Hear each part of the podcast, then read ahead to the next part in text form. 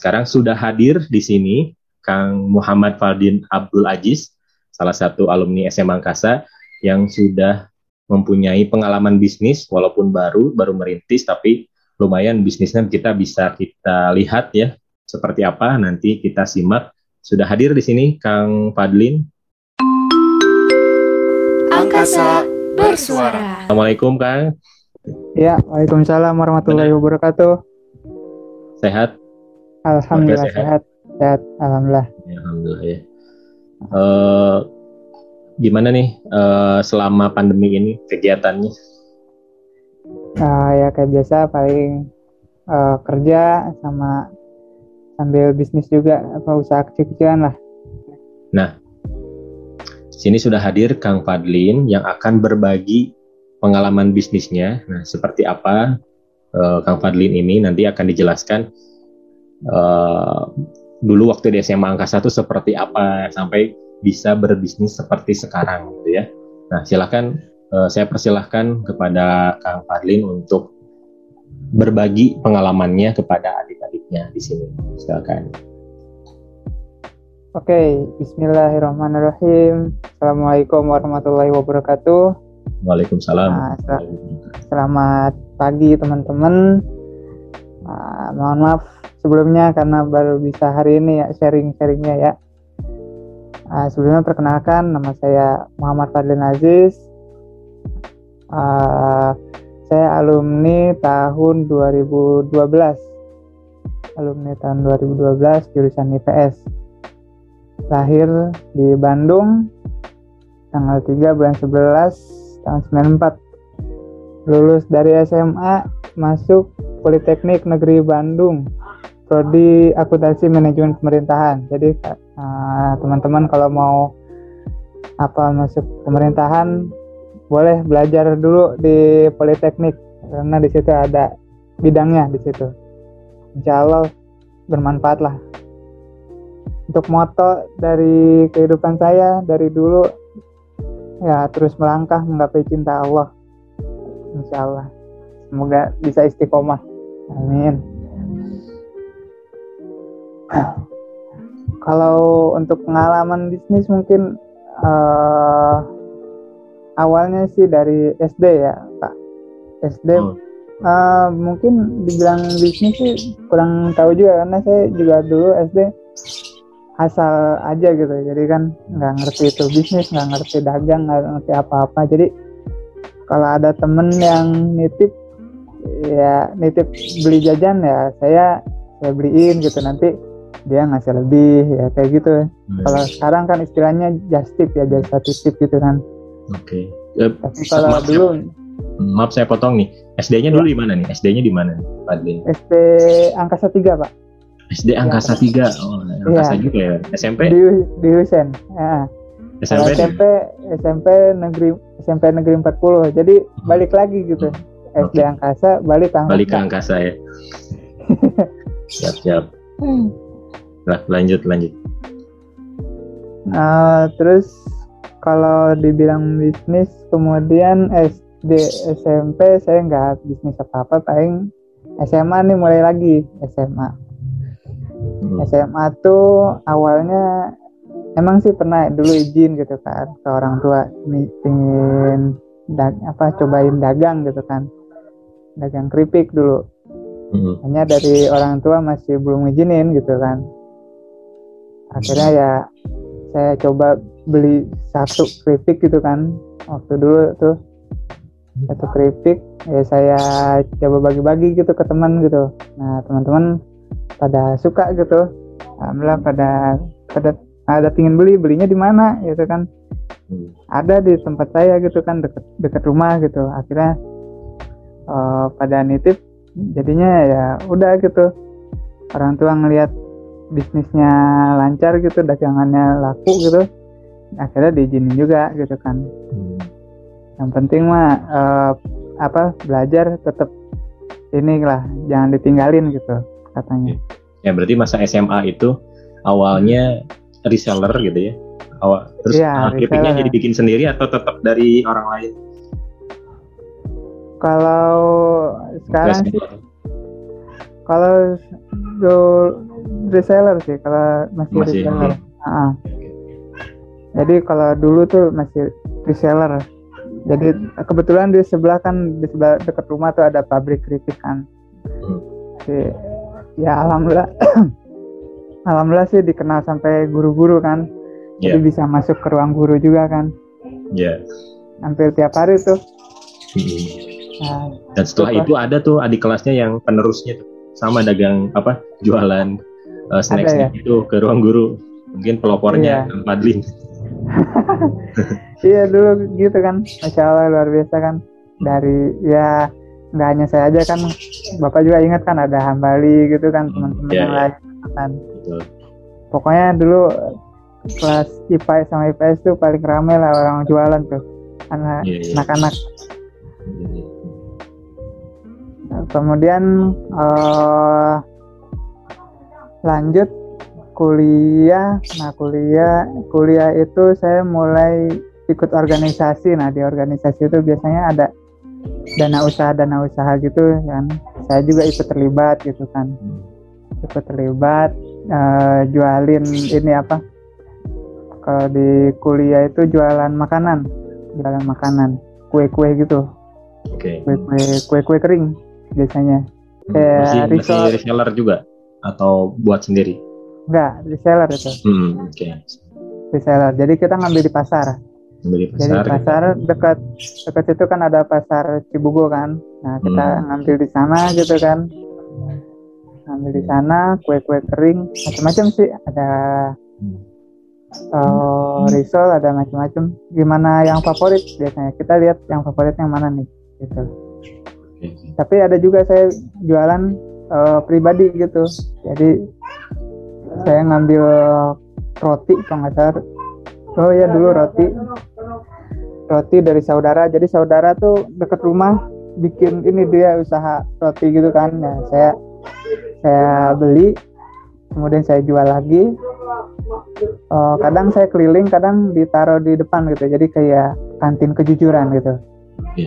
Jadi nanti kalau ada yang beli tinggal ambil sama uangnya taruh di ada kayak celengan atau ini kotak uang Oke, gitu. Hmm. Nah, ya gitu pengalamannya ya plus minus gitu. Jadi kadang ada yang jujur, ada yang Ya, ya, kalau kantin mungkin- kejujuran kayak gitu ya. entah, ya, kadang ada yang mungkin lupa atau apa gitu kan nggak ada uang kecil gitu kan. Hmm. Atau mungkin nggak tahu ya, dikirain bayarnya nanti. Iya gitu kan. Tapi makin eh, karena saya mulai gitu, jadi makin banyak. Akhirnya kan dari apa dari kampus ngeluarin ini Hmm. biar nggak rusuh kali ya kayak pasar. Iya, iya. Akhirnya dikasih tempat khusus gitu kan. Hmm. Iya. Itu kalau kuliah itu tuh. Terus mulai mau lulus tuh cobain kan bisnis pakaian gitu Hmm. kayaknya menarik gitu kan pakaian gitu kan hanya sama barang sama teman-teman gitu sama teman-teman hanya oh kayaknya agak susah sih oh, belum nggak apa kurang serak gitu sama teman karena Hmm. kayaknya kurang sevisi gitu Oh. kalau teman sempat. pilihan Hmm, saya, kalau teman pilihannya yang inilah yang yang kayak celana jeans yang kayak gitu-gitu kalau saya kan Hmm. setelannya harusnya syari gitu kan gitu kan Oh, pakaian oke. syari atau gimana gitu kan Oh, kalau yang lain mungkin dulu awalnya eh, gabung sama teman-teman yang memang di fashion, gitu. bukan di Iya. fashion hijab gitu ya, fashion biasa gitu. fashion biasa gitu kan Hmm. Oh, yang anak-anak gaul gitu kan Oh iya. Karena dulu mah musim-musim Cino gitu ya. Cina ya celana jeans gitu kan Hmm. Jadi keliling-keliling tuh nyari-nyari ke Hmm. pasar ke mana gitu kan. Nyari-nyari di sosial media gitu kan. Ya. Terus akhirnya ke buat sendiri gitu. akhirnya ya setahun vakum juga kan waktu itu kan. Lulus apa fokus kuliah apa sidang kan. Perlu Oh, fokus nyiapin untuk sidang sidang akhir terus lulus lulus kuliah itu belum belum belum sempat saya jalanin lagi. Karena mau nyari kerja dulu kan Iya. untuk ya nama-nama modal kan. Uh, mulai lagi tuh baru tahun 2019 lah udah nikah gitu kan 2019 2019 udah mulai diaktifin lagi kita cari lagi supplier yang inilah eh, produsen. Kita nyarinya produsen. Jadi kita nggak nyari supplier atau distributor. Kita nyarinya produsen dulu gitu kan.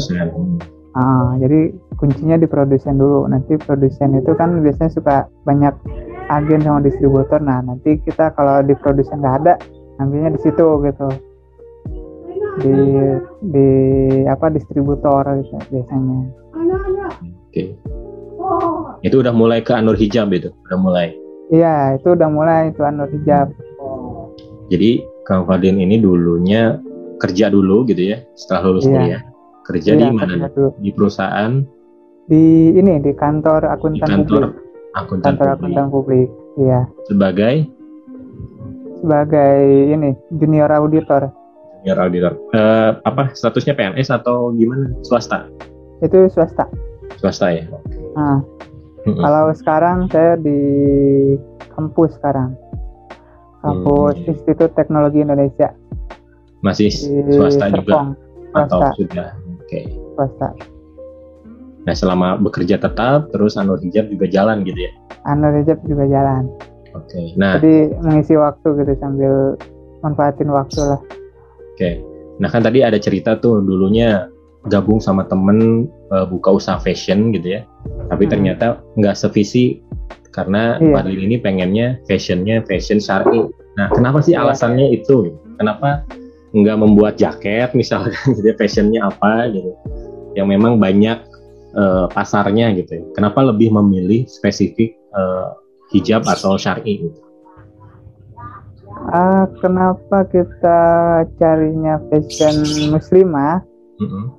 Eh, karena kalau saya lihat itu emang pangsa pasarnya cukup bagus. Jadi Hmm. eh kita nggak apa ya kalau misalnya asal jual bisa aja gitu nanti kita cari jaket kita cari distro cari apa baju kaos atau segala macam Mm.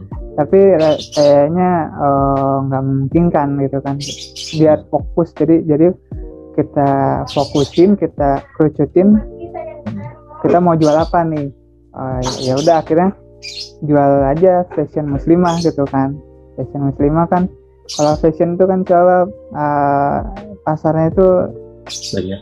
eh, banyak gitu kan Ya. fashion muslimah apalagi tren tren sekarang kan makin ini ya makin bagus gitu untuk Mm. em, fashion fashion muslimah. Kan banyak variannya sekarang kan model-modelnya kan. Ya betul betul. apalagi yang syari syari kan udah mulai banyak gitu kan. Nah itu pilihan itu berdasarkan selain berdasarkan pasar tentu mungkin ada pilihan yang idealis gitu. Atau nggak ada atau memang murni ah saya pengen bisnisnya di bidang eh, fashion syari gitu. Nggak mau yang lain. Atau memang ada dalam diri karena udah dari kecil dari sekolah udah ditanemin pokoknya pakaian tuh harus syari seperti itu atau gimana nih? ya salah satunya ya pasar juga ya. Salah satunya pasar. Yang kedua saya ingin ya ibaratnya berpartisipasi lah. Eh, supaya makin banyak gitu orang yang eh, pakai apa maksudnya untuk wanita gitu untuk lebih menutup auratnya. Karena menutup aurat itu kewajiban. Terus yang kedua kalau menutup aurat secara sesuai syariat juga nggak nggak ribet kok. Dan tetap bagus juga gitu. Makanya tagline kita kan di, Anwar Hijab itu kan tampil syari itu mudah gitu. Iya, iya. jadi ya, saya ingin jadi ya, saya, ya, lewat Anwar Hijab ingin bilang kalau tampil syari itu mudah gitu nggak ribet. Kalau dulu kan kita berpikir kalau uh, harus berhijab tuh ribet gitu kan. Pentul sana pentul sini gitu kan. Iya, segala macam gitu kan. Untuk hijab doang gitu kan. Bajunya gimana gitu kan. Panas atau gimana gitu kan gitu. Nah, iya. Jadi seperti itu. Oke, jadi mm, jadi Anur Hijab ini hadir justru selain eh, apa bersaing di ranah bisnis juga tapi ada ada value ada kontribusi ya uh, untuk iya. kita gitu ya karena kita muslim terbesar gitu ya iya. jadi kita memang mungkin Anur Hijab ini salah satu yang apa ya jadi kalau yang tadi dibilang bahwa hijab itu nggak ribet gitu ini iya. kita menghadirkan nih pakaian-pakaian hijab yang enak dilihat bagus menarik gitu kan nggak kuno yeah. misalkan atau nah, mungkin nyaman gitu kan, nyaman kan, dan lain sebagainya nggak seperti yang dibayangkan yang bagi yang belum berhijab mungkin ya ini mungkin yeah. adik-adik SMA angkasa yang mungkin belum berhijab kalau misalkan kita nggak mencoba ya kita nggak akan tahu ya seperti yeah, apa gitu ya pakaian, pakaian nah. seperti ini gitu. Iya. Jadi kalau nanti bolehlah dicoba. bagi yang belum ya. Oke, okay, uh, eh, selanjutnya boleh silakan dilanjut. Iya, uh, akhirnya kan ya sebagaimana yang tadi dijelasin kan Amerika hadir gitu kan dengan tagline tampil syariah itu mudah gitu kan. Hmm. Nah, alhamdulillah sekarang kita sudah mulai ada beberapa brand yang kita jual gitu kan. Jadi kita kita juga pilih-pilih. Jadi enggak semua brand kita jual gitu kan. Hmm. Jadi kita pilih nih yang sesuai gitu yang kalau kita lihat rating orang yang beli itu bagus gitu nyaman gitu kata di komentarnya ih bagus nyaman gitu ya. nah itu yang kita cari gitu yang kita jual dan di Anur Hijab juga kita nggak hanya jual fashion muslimah rencananya kita kembangin terus gitu kan fashion wanita gitu kan kayak sekarang udah mulai ada tas gitu kan tas terus sepatu tapi masih terbatas gitu kan. Masih belum banyak. Tapi kita masih lebih fokus kayak gamis hijab yang kayak gitu. Bergo yang kayak gitu gitu ya,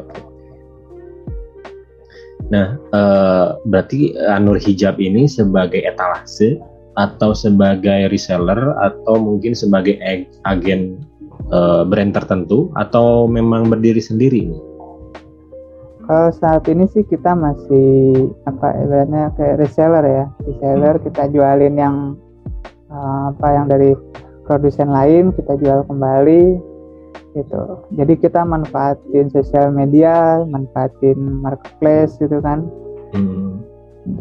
Alhamdulillah kan sekarang kan uh, orang pengguna marketplace, marketplace juga kan makin okay, yeah. banyak gitu kan makin hmm. bertumbuh gitu kan. Jadi potensi pasarnya juga gede juga kan di situ kalau kita jual di sana.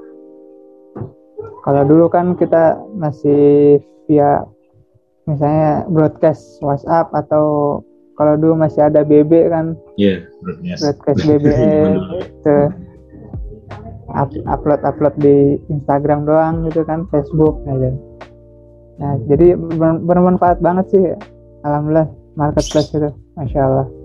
Oke okay, nah kalau brand Anur Hijab sendiri itu kenapa memilih namanya Anur gitu ya? Anur Hijab Cahaya atau ada mungkin yang bisa dijelaskan kenapa dulu kenapa Anur Hijab? Sebelum Anur Hijab tuh namanya ini dia. Hmm. uh, Al Jamal itu kan Al Jamal artinya hmm. keindahan ya sih saya keindahan. Terus berubah nama jadi berubah nama jadi apa pokoknya itu namanya berubah-ubah. Akhirnya dipilih Anur Hijab karena ingin karena uh, cita-cita saya Anur Hijab ini toko ini bisa uh, memberikan cahaya. Jadi ber, cahaya itu maksudnya manfaat gitu kepada yang lain itu jadi uh, walaupun kita dapat untung harapannya kita bisa dari keuntungan itu sebagian kita bisa bantu yang lain gitu. Hasilnya iya. seperti itu. Nah ini apa ini? Contoh-contohnya gitu ya? Iya, itu bagian ada foto-foto produknya. Saya dilihat. Kita ada di Bukalapak di Shopee di Tok Tokopedia. Okay. masih terus kita kembangin sih masih terus kita kembangin. Dan harapannya ya kita bisa jadi apa naik ke dis, ah, jadi agen jadi distributor ya. Jadi kita mohon doanya gitu dari teman-teman supaya kita makin maju gitu Nah ini selain di Bukalapak, Tokopedia, apalagi nih? Ada websitenya mungkin atau ada apa ini? oh kita masih fokus di marketplace sih pak masih Hmm. fokus di marketplace kayak terutama sih di Tok- Tokopedia ya karena di situ eh, awal Anur Hijab eh, pelang- pelanggan pertama Anur Hijab tuh ramenya di Tokopedia jadi, Jadi Tokopedia ah, Mengawalinya di Tokopedia ya, baru Iya, ke yang lain. iya. baru ke yang lain Oke. Jadi nanti kalau mau lihat-lihat ya, siapa tahu berminat bisa nanti dicek di link deskripsi ya. Ada nanti saya ada linknya gitu ya, boleh Hmm, dilihat-lihat seperti apa. Bahkan ada YouTube-nya juga kalau nggak salah ya. ada Ah, Itu mah eh, tuh tampilan-tampilan kayak produknya mungkin ya. tampilan produk aja iya tampilan produk Dan ini hanya ini ya, baju muslimah iya baju-baju muslimah. Atau ada muslim juga. Eh, sementara sih belum. Tapi Hmm. ke depannya sih pengen ada juga gitu. Oh jadi ini. ada etalase sendiri gitu untuk yang Iya. cowok gitu. Oke. Nah ini salah satu eh, ulasannya ya, testimoni lah dari testimoni.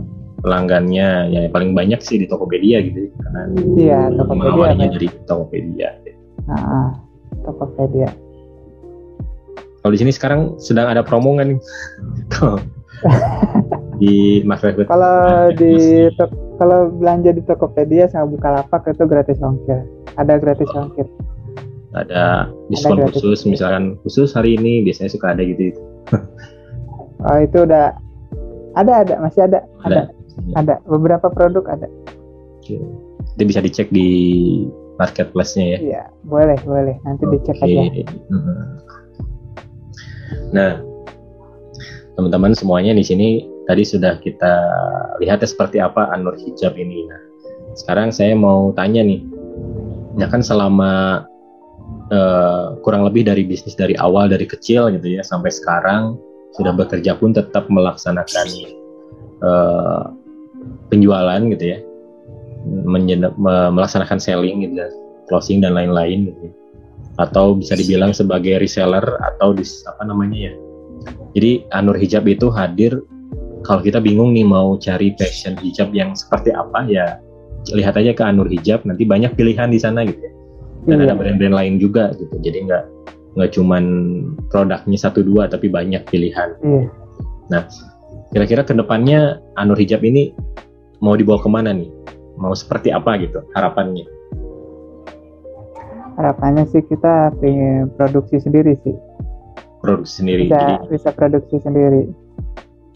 Nah dari, karena dari pengalaman-pengalaman ya ya semoga kita bisa belajar dari produsen-produsen yang ada brand-brand yang ada kita bisa produksi sendiri gitu. Harapan ke depannya Nah, kalau eh, pro- apa produksi sendiri tentu butuh tim ya. Nah, kenapa sih tim. selama ini eh, masih sebatas reseller? Karena memang masih sendiri kan. karena masih sendiri Masih eh, apa segalanya dikerjakan sendiri mungkin. gitu. iya Nah, kenapa nih tidak mulai bekerja sama dengan yang lain gitu? Belum gitu ya. iya saat ini sih kita belum apa ya karena apa masih kecil juga kan jadi untuk neken biaya ya kita eh, mendingan biayanya untuk promo aja gitu. Kita fokusin dulu nge-branding Anur Hijab dulu gitu kan. Nah nanti kan ke depannya kan udah mulai kelihatan ya, ya semoga bisa kita bangun nanti timnya. Jadi saat ini kita masih eh, jadi biaya-biaya itu untuk eh, ngembangin toko aja dulu sementara. Jadi kalau- untuk ngembang- Hmm. untuk ngembangin di Tokopedia-nya, untuk ngembangin di Shopee-nya, untuk ininya, gitu kan.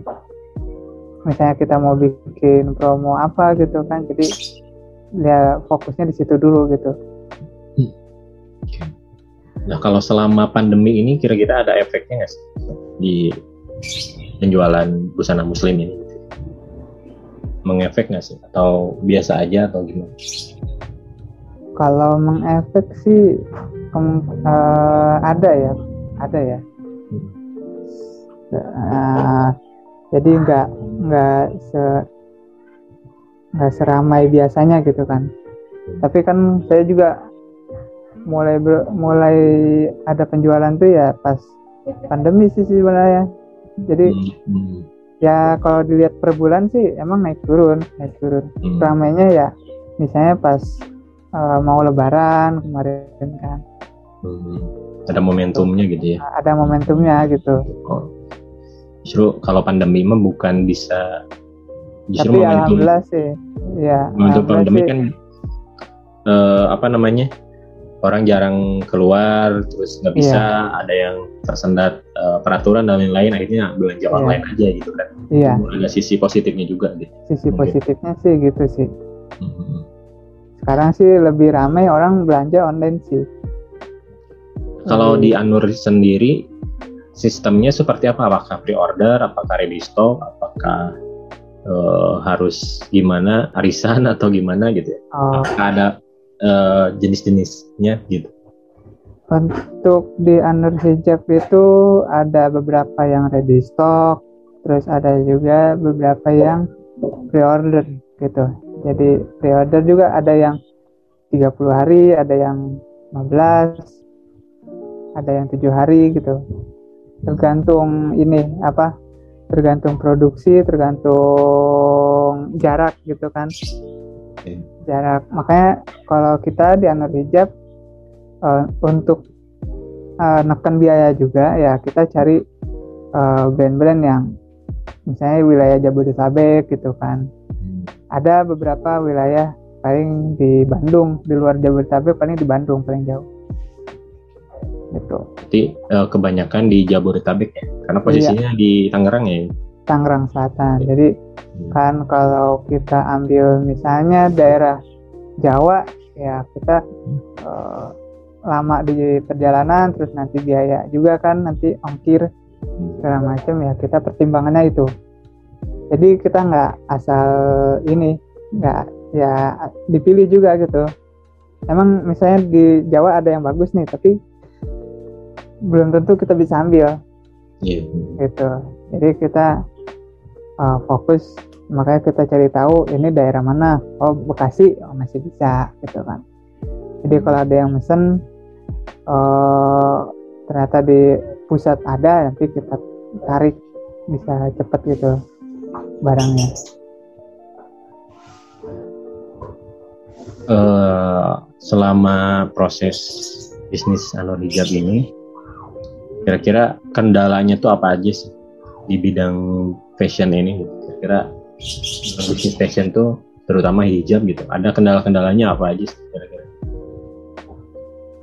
Kalau saya sih kendalanya lebih ke marketing ya. Jadi marketing di ini ya di sosial media kan.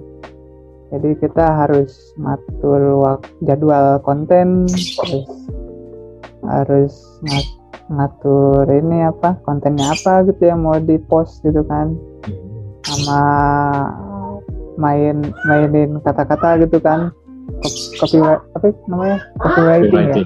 Nah hmm. kayak gitu. Jadi agak kesulitan di situ gitu kan. Apalagi kan saya uh, bermain sendiri gitu kan. Yeah, yeah. bermain sendiri. Jadi timnya ya diri saya sendiri gitu.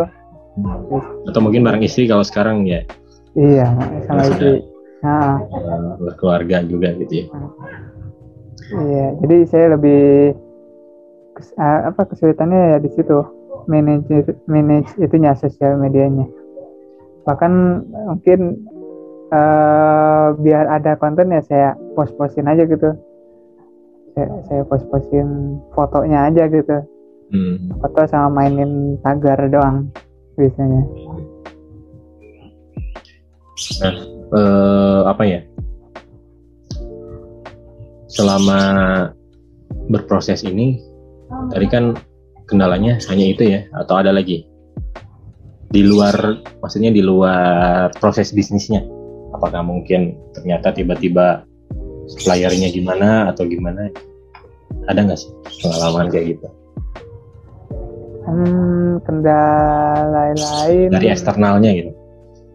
Kalau eksternal oh paling ini sih. Jadi uh, ketika si konsumen sudah misalnya untuk produk-produk PO ya hmm. misalnya ada yang udah oh saya mauin yang produk A kak gitu kan hmm. kita jelasin kan nanti estimasi tanggal ini gitu kan oke okay, katanya jadi udah fix gitu kan hmm. nah pada saat udah ready uh, si konsumennya nggak bisa dihubungin gitu kan hmm. uh, ya akhirnya ya barangnya ya ini gitu jadi nggak kejual akhirnya. Jadi, jadi pernah kita di ghosting gitu iya, pernah di ghosting sama di pelanggan gitu. gitu. iya jadi gitu kayak di ghosting gitu. Aduh. Jadi ya harus uh, biar kejual ya kita promosiin terus itu barangnya.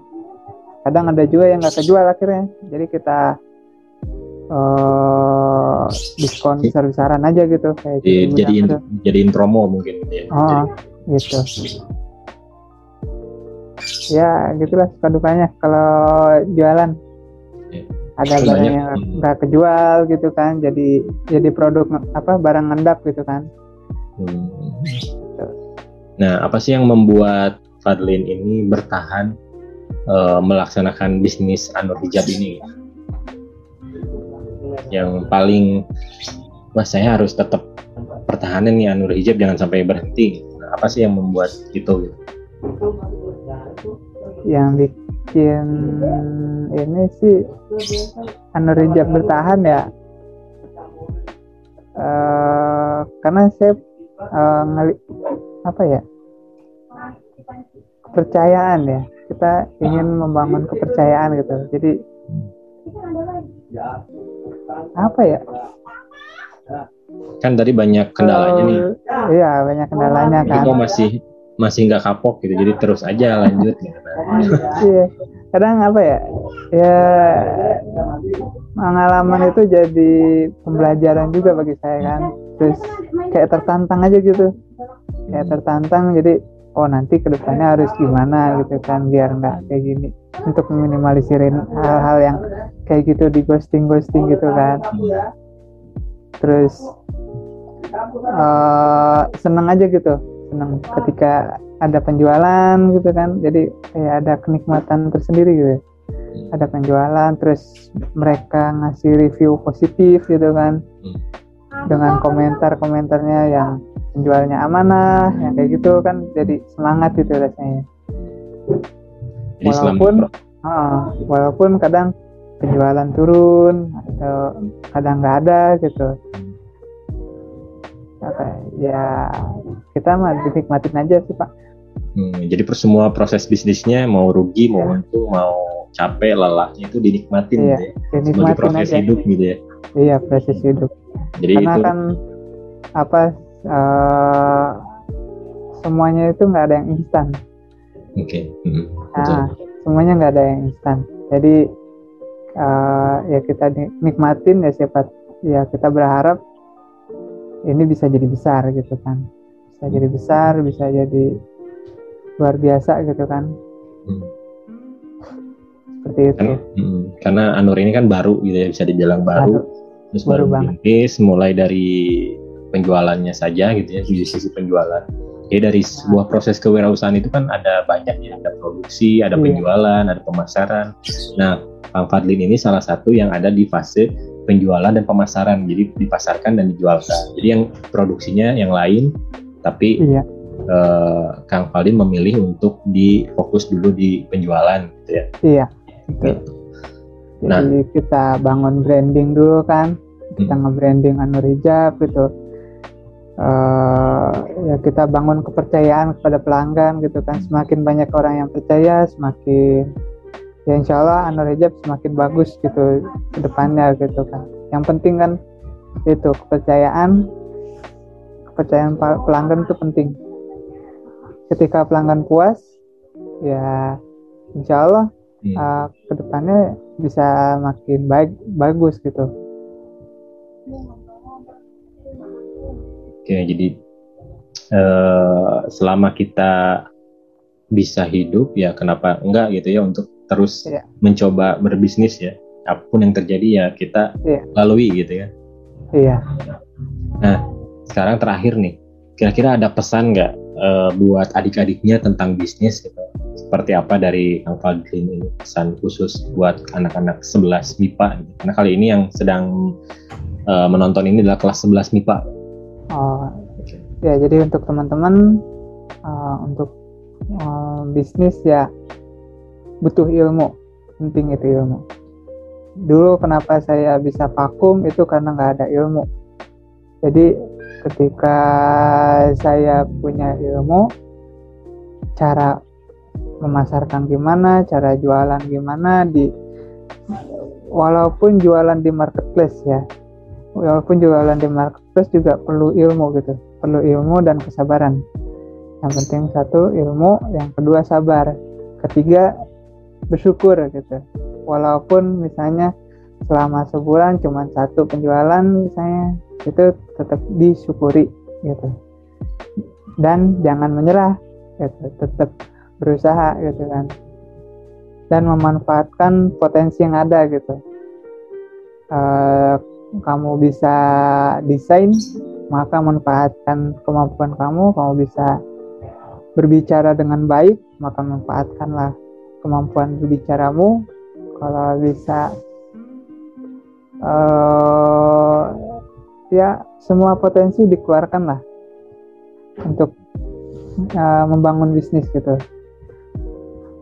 Seperti itu Jadi intinya potensi yang apa pun yang kita miliki gitu ya, Iya. itu bisa dituangkan ke dalam proses bisnis kita gitu. Iya. walaupun IPA juga kan di situ ada macam-macam misalnya kamu nanti eh, kuliah di ITB, IPB apa pun gitu kan misalnya masuk pertanian, peternakan misalnya masuk ke jurusan apa gitu manfaatin itu semua gitu kan misalnya saya di akuntansi gitu kan. Ya jangan jangan berpikir eh, oh saya harus kerja di bank atau kerja di perusahaan. Hmm. Eh, jangan gitu. Jadi kita manfaatin ya kita kerja nggak nggak masalah gitu. Kerja kerja di perusahaan atau apa. Ya tapi kita manfaatin ilmu kita gitu di dunia bisnis gitu. Misalnya eh, yang pertanian bangun pertanian yang modern gimana bisnis di argo bis apa eh, agribisnis gitu kan. Oke. atau orang anak eh, kamu di bidang peternakan misalnya eh pas di dunia pekerjaan kalian terjun di bisnis peternakan seperti itu. Jadi manfaatkan potensi-potensi kalian gitu. Potensi-potensi yang ada gitu. Baik ilmu maupun skill-skill yang lain gitu Oke, jadi apa pun nanti, jadi apa pun kita di masa depan gitu ya, walaupun kita Ah. jadi seorang siapa pun gitu ya, mau jadi pekerja apa pun, yang namanya bisnis itu bisa dilakukan oleh siapa pun ya, bagi yang iya bisa dilakukan berusaha gitu ya.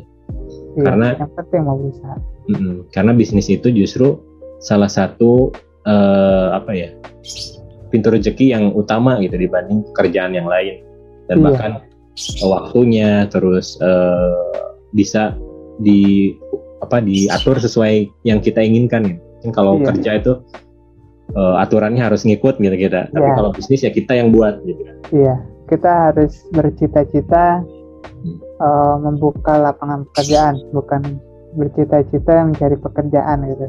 Iya betul betul. Ah, ah, What's of the day-nya itu. ya. iya, karena eh, kalau kita membaca data ya Indonesia itu negara yang besar, tapi pengusaha mudanya itu masih tergolong rendah dibanding Singapura. Singapura untuk negara yang kecil itu pengusaha mudanya terbilang banyak gitu. Di atas 50% setahu saya, seingat saya. Itu dulu sih waktu pas saya kuliah. Tapi mungkin sekarang lebih meningkat lagi. Oke.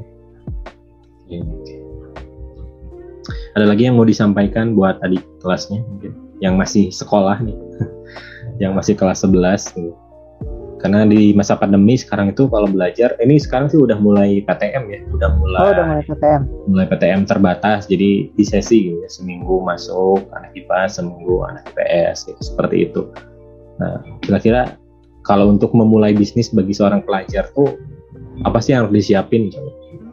Ada pesan kalau temen-temen nih yang di SMA eh, kalau mau belajar bisnis bagus banget sih. Uh, nanti uh, coba aja gitu.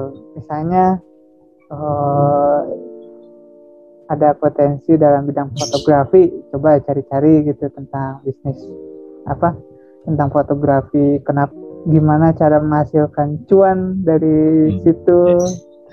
Kalau bisnis desain gimana? Mulai aja dari misalnya kalau desain itu kan sekarang kayaknya ya aplikasi-aplikasi desain gratis gitu kan.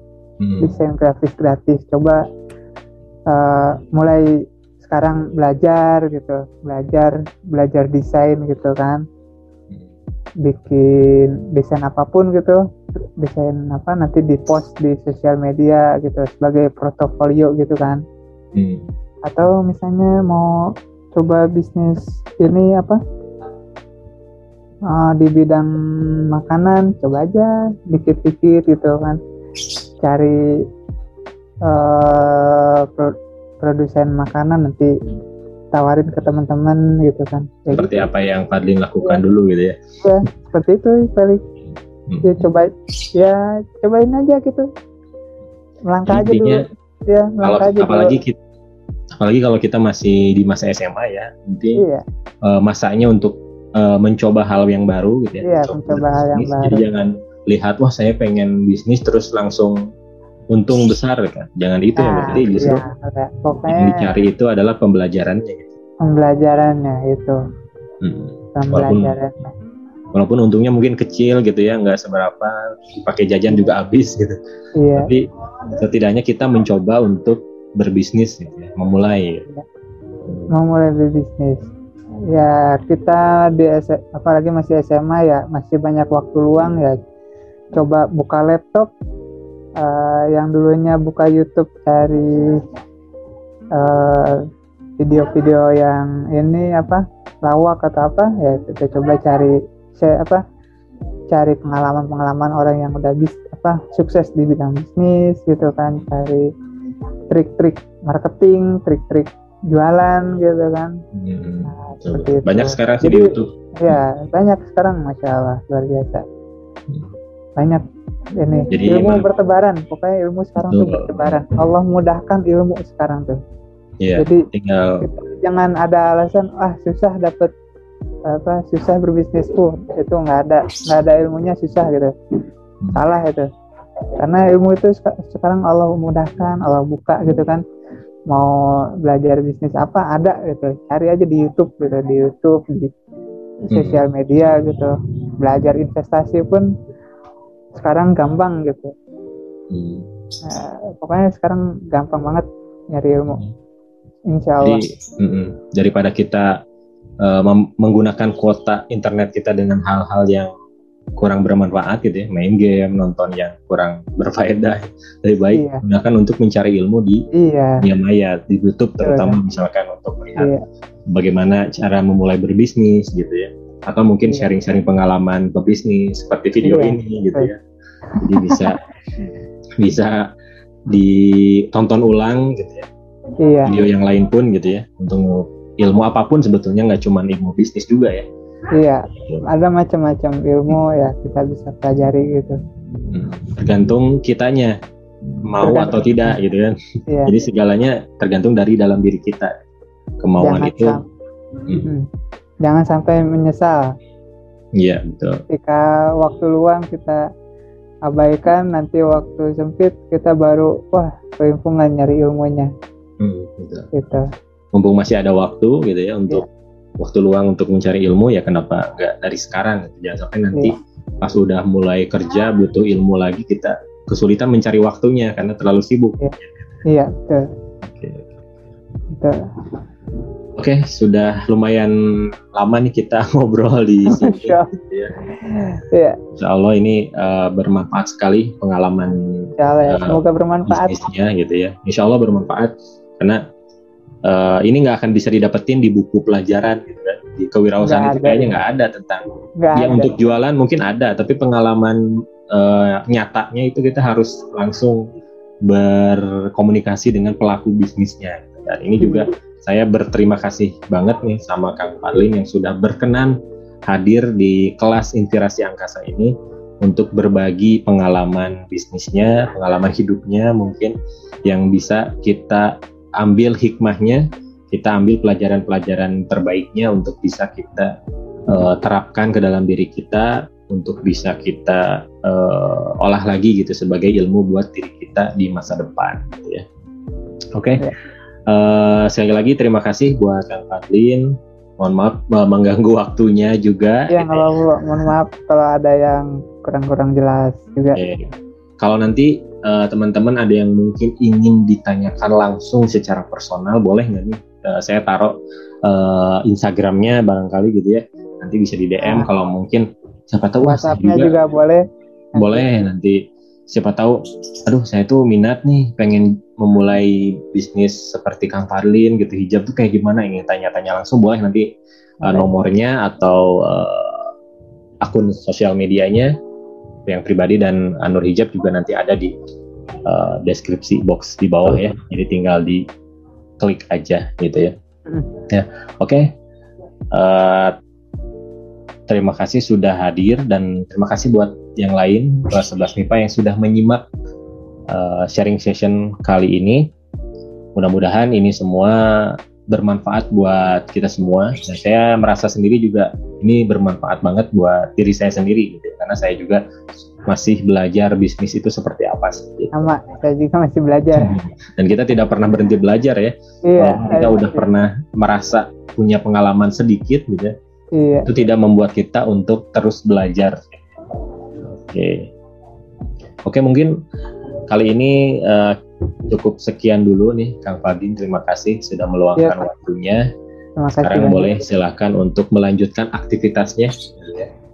Mudah-mudahan uh, Anur Hijab semakin sukses semakin lancar ke depannya dan bisa mengembangkan Anur Hijab ini menjadi uh, brand fashion hijab yang memiliki uh, apa ya memiliki khas tersendiri supaya nanti orang-orang kalau uh, beli pakaian hijab itu di mana ya? Ya Anur Hijab gitu ya. Udah iya, berpikirnya iya. udah ke sana gitu. Jadi iya. brandingnya sudah mulai bagus gitu. Mudah-mudahan bisa tercapai seperti itu ya. Ya terima kasih kan Fardin. Boleh ya, silakan kasih, untuk meninggalkan ruangan ini sekali lagi. Iya. Mohon maaf kalau misalkan uh, keadaannya seperti ini karena kita sedang pandemi jadi hanya bisa bertatap muka daring seperti ini ya. Iya, Salam buat keluarga mudah-mudahan diberikan kesehatan dan kekuatan ya selama di masa pandemi ini. Gitu ya. Terima kasih. Ya, Pak. Ya. ya. Saya tutup dulu. Assalamualaikum Kang Faldi, Fadlin. Waalaikumsalam warahmatullahi wabarakatuh. Nah, tadi kita sudah menyimak sharing pengalaman bisnis dari Kang Fadlin, owner Anur Hijab, di mana Anur Hijab ini bergerak di bidang fashion hijab, di mana di sana banyak tuh produk-produk branded hijab fashion yang kita bisa pilih dan bisa kita jadikan sebagai uh, tambahan mungkin bisa jadi buat diri kita kalau kita muslimah atau buat saudara kita, buat ibu kita gitu ya. Bisa banyak kita dipilih-pilih nanti bisa dicek di link deskripsinya di kontaknya juga ada silahkan diklik. Nah sekarang kita simpulkan nih tadi dari kata Kang Fadlin ini bahwa uh, yang terpenting dalam sebuah bisnis itu yang pertama adalah ilmu, terus yang kedua adalah syukur, dan terus yang ketiga adalah sabar dan dilanjutkan dengan jangan pernah menyerah dan terus belajar untuk berbisnis jangan pernah puas katanya seperti itu. Jadi intinya semoga uh, sharing session kali ini bermanfaat buat kita semua dan bisa kita jadikan pengalaman khusus yang bisa kita terapkan yang mungkin kita akan punya pengalaman yang sama atau pengalaman yang lebih baik mengenai bisnis gitu ya. Jadi silahkan bagi yang berminat untuk berbisnis jangan uh, sungkan untuk mul bermulai dari sekarang gitu ya, di masa SMA. Kita lihat Kang Fadlin juga tadi dari SD udah mulai uh, just tip gitu ya untuk udah mulai berbisnis, udah mulai tahu kenal yang namanya udah uh, proses bisnis itu seperti apa, bahkan udah bisa menghasilkan uang sendiri, jajannya sendiri, nggak minta ke orang tua dan lain sebagainya. Itu kita bisa manfaatkan.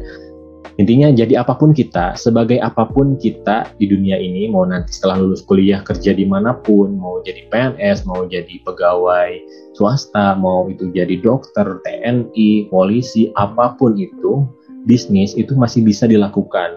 Bisa kita bermulai. Jadi jadikan bisnis itu sebagai uh, pelengkap hidup kita supaya nanti dalam sebuah bisnis yang pernah saya sampaikan di pertemuan sebelumnya ya bahwa dengan bisnis kita bisa menghasilkan free cash sebanyak-banyaknya. Nah, free cash itu akan kita gunakan untuk bersedekah gitu. Karena dengan bersedekah maka kita akan dicukupkan terus. Sedekah banyak nanti didapetin banyak lagi. Kita sumbangin ke kemanusiaan maka kita akan banyak lagi dapat sesuatu harta kita akan dititipkan lebih banyak lagi karena kita dipercaya untuk uh, menebar kebaikan lewat harta yang kita miliki. Oke, sekian uh, kelas inspirasi kali ini. Silakan ah mendengar dan menyimak. Mudah-mudahan tidak memuaskan. Saya cukupkan sekian sharing session bisnis Akitarian kali ini di kelas Inspirasi Angkasa. Sampai jumpa di kelas Inspirasi Angkasa berikut. Simak terus informasi bermanfaat, berbagi ilmu, pengalaman, motivasi, dan informasi penting lainnya yang positif dan inspiratif. dari SMA Angkasa. Lanud Hussein Sastra Negara Bandung.